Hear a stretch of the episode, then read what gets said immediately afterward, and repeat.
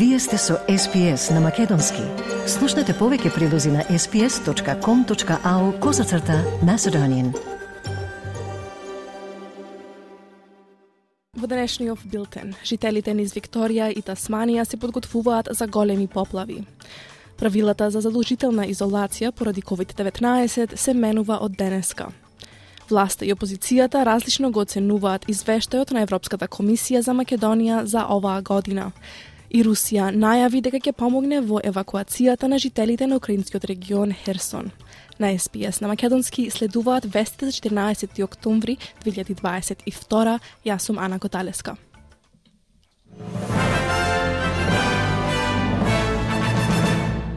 Сојузниот благајник Джим Чалмерс вели дека порастот на инфлацијата во САД на највисокото ниво во последните 40 години е загрижувачки и тој очекува импликации и за Австралија. Вкупната инфлација во САД се зголеми за 0,4 во септември, на 8,2 во текот на годината. Основниот индекс на потрошувачките цени, кој не ги вклучува храната и енергијата, се зголеми за 0,6 втор месец поред, со што годинашната бројка достигна 6,6 Господин Чалмерс деновиве е во посета на Вашингтон, каде присуствува на состанокот на министрите за финансии на Г20. Тој вели дека остриот пораст на инфлацијата ширум светот има големо влијание врз глобалната економија, но вети дека владата ќе ги ажурира прогнозите за инфлација во предстојниот буџет. The number one enemy when it comes to the global economy is inflation. We've seen some very troubling uh, outcomes for inflation in the United States released this morning. Uh, obviously, uh, a bigger and bigger part of our inflation challenge is going to be electricity prices. Uh, and that's very concerning to us, as it would be very concerning to every Australian. Uh, and so we will update our forecast for inflation in the budget.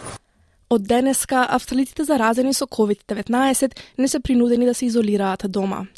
Пандемијата однесе повеќе од 15.000 животи во Австралија од 2020 година, но правилата за задолжителна изолација се менуваат.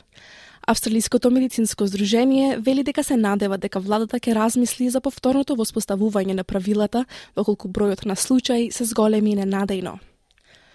Жителите во регионалните заедници во Викторија остануваат во состојба на висока подготвеност за опасни поплави, откако нелјадници луѓе им беше наредено да се евакуираат во областите Бунала, Wedderburn и Рочестер. Во меѓувреме, на жителите во делови од северозападната Сманија им е наредено да се евакуираат поради критичните нивоа на водостојот на реките, нивоа споредливи со оние за време на смртоносните поплави пред 6 години. Премиерот на Викторија, Даниел Андрюс, вели дека околу 500 домови се погодени од поплави на водните тела низ државата и се очекува бројот да се зголеми. Тој вели дека жителите кои се евакуирани може да добијат привремено за солниште во неодамна затворениот објект за изолација за COVID-19 во Миклхем. Вик Emergency издаде ажурирано предупредување со кое ги советува жителите во населбата Марибенонг да се евакуираат. Министерот за владени услуги Бил Шортен вели дека реката во, Мер... во Марибенонг се соочува со рекордни поплави невидени од 1970-тите. All around Victoria and Tasmania, there is significant flooding. These are major flooding events. Sadly, records are being broken which haven't been seen since the 70s in the case of my home area of the Maribyrnong River.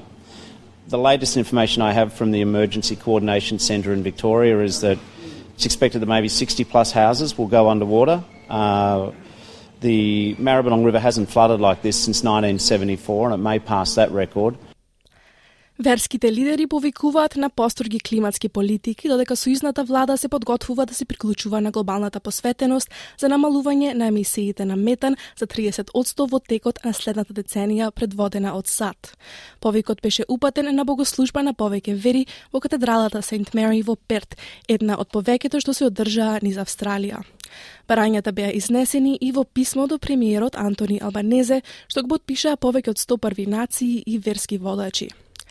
Будистичкиот монарх Бате Суджатоу вели дека е време да се спроведат поамбициозни мерки за климатските промени и да се стави крај на нови проекти за газ и јаглен.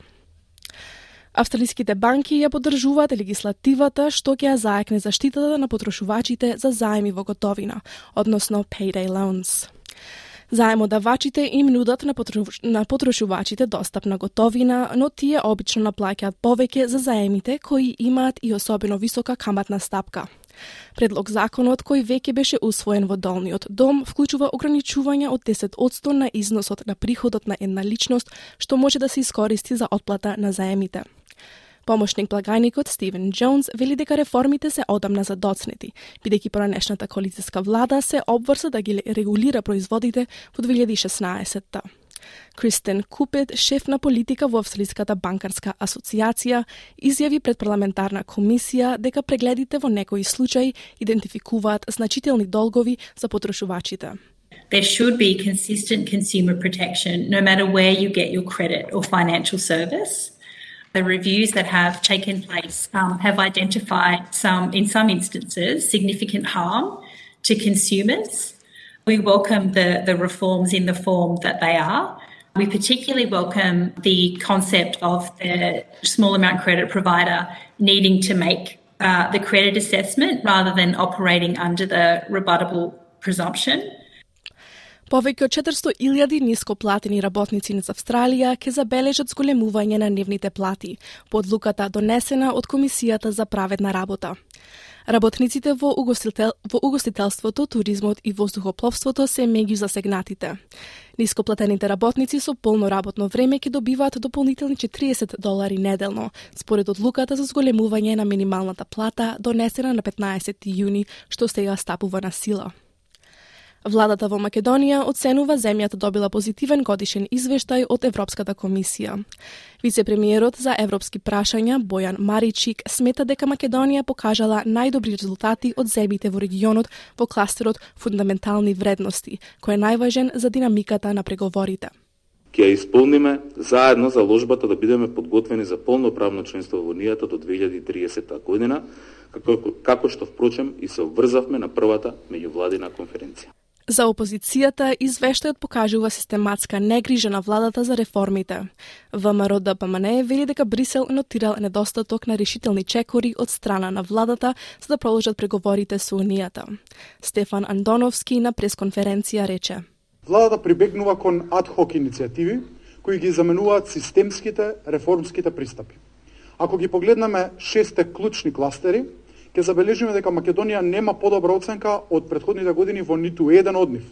Во секој од кластерите, државата се смета како умерено подготвена, што е иста оценка со годините предходно. Во извештајот најголемиот прогрес е нотиран во делот на, Угосо... на, Угосо... на Македонија со надворешната политика на Европската Унија. Клучните сегменти на кои Македонија мора да работи за да очекува напредок во интеграцијата е борбата против корупцијата, намалување на јавната администрација и друго. Русија најави дека ќе помогне во еваку... евакуацијата на жителите на украинскиот регион Херсон, кој е купиран од Москва. Тоа доаѓа откако прорускиот лидер на регионот Владимир Салдо ја повика Русија да помогне додека украинската војска постигнува напредок во контраофанзивата во Херсон и во други источни делови на земјата. Рускиот вице-премиер Марат Косун рече дека жителите ќе бидат пренесени во други украински региони и ќе им биде обезбедено бесплатно сместување. Во апелот за помош, Владимир Салдо рече вели дека Русија секогаш ќе им поддава рака на своите во најтешките моменти. Addressing the leadership of Russia, I would like to ask you to help organise this process. We, residents of the Kherson region, of course know that Russia does not abandon their own, and Russia always offers a hand where it's difficult. The daily missile strikes we are facing cause serious damage, first and foremost to the residents. Управната директорка на Меѓународниот монетарен фонд ги повикува креаторите на политиките да продолжат со напорите да ја намалат стапката на инфлација. Повикот на Кристалина Ѓоргиева до, доаѓа додека некои економисти се загрижени дека централните банки ќе претераат со зголемувањето на каматните стапки и со тоа ќе предизвикаат непотребни економски предизвици. Господица Ѓоргиева вели дека инфлацијата се влошува и иднината може да биде особено лоша за најсиромашните. But I want to be to, to be clear. The reason we are uh, endorsing a uh, strong focus on inflation is because inflation has been quite stubborn. We cannot we cannot possibly allow inflation to become an, a runaway uh, train. Bad for growth and bad for people. Bad especially for poor people. Од спортот во недела и Лавара премиер лигата ќе го добие вториот финалист во големото финале. Во македонското дерби за место во финалето ќе играат Wollongong United и Kringila Lions. Победникот од овој надпревар во големото финале за противник ќе го има Wollongong Olympic. Надпреварот се игра на Macedonia Park со почеток од 3, од 3 часот попладне.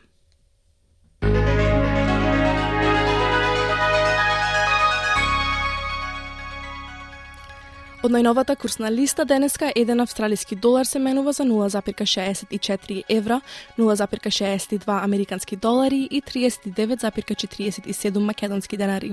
Додека еден американски долар се менува за 63 македонски денари, а едно евро за 61,13 македонски денари.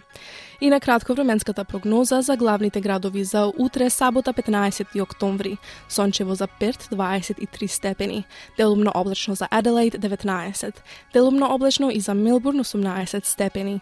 Слаби повремени врнежи се очекуваат во Хобарт 16 степени. Претежно сончево за Канбера 20, 22 за Сиднеј претежно сончево, претежно сончево и во Брисбен 27 степени. Слаби повремени врнежи и можна бура за Дарвин 35 степени и сончево за Алис Спрингс 30 степени.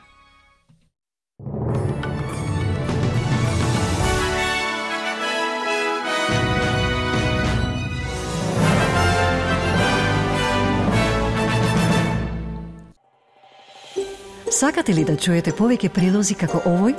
Слушате подкаст преку Apple Podcasts, Google Podcasts, Spotify или од каде и да ги добивате вашите подкасти.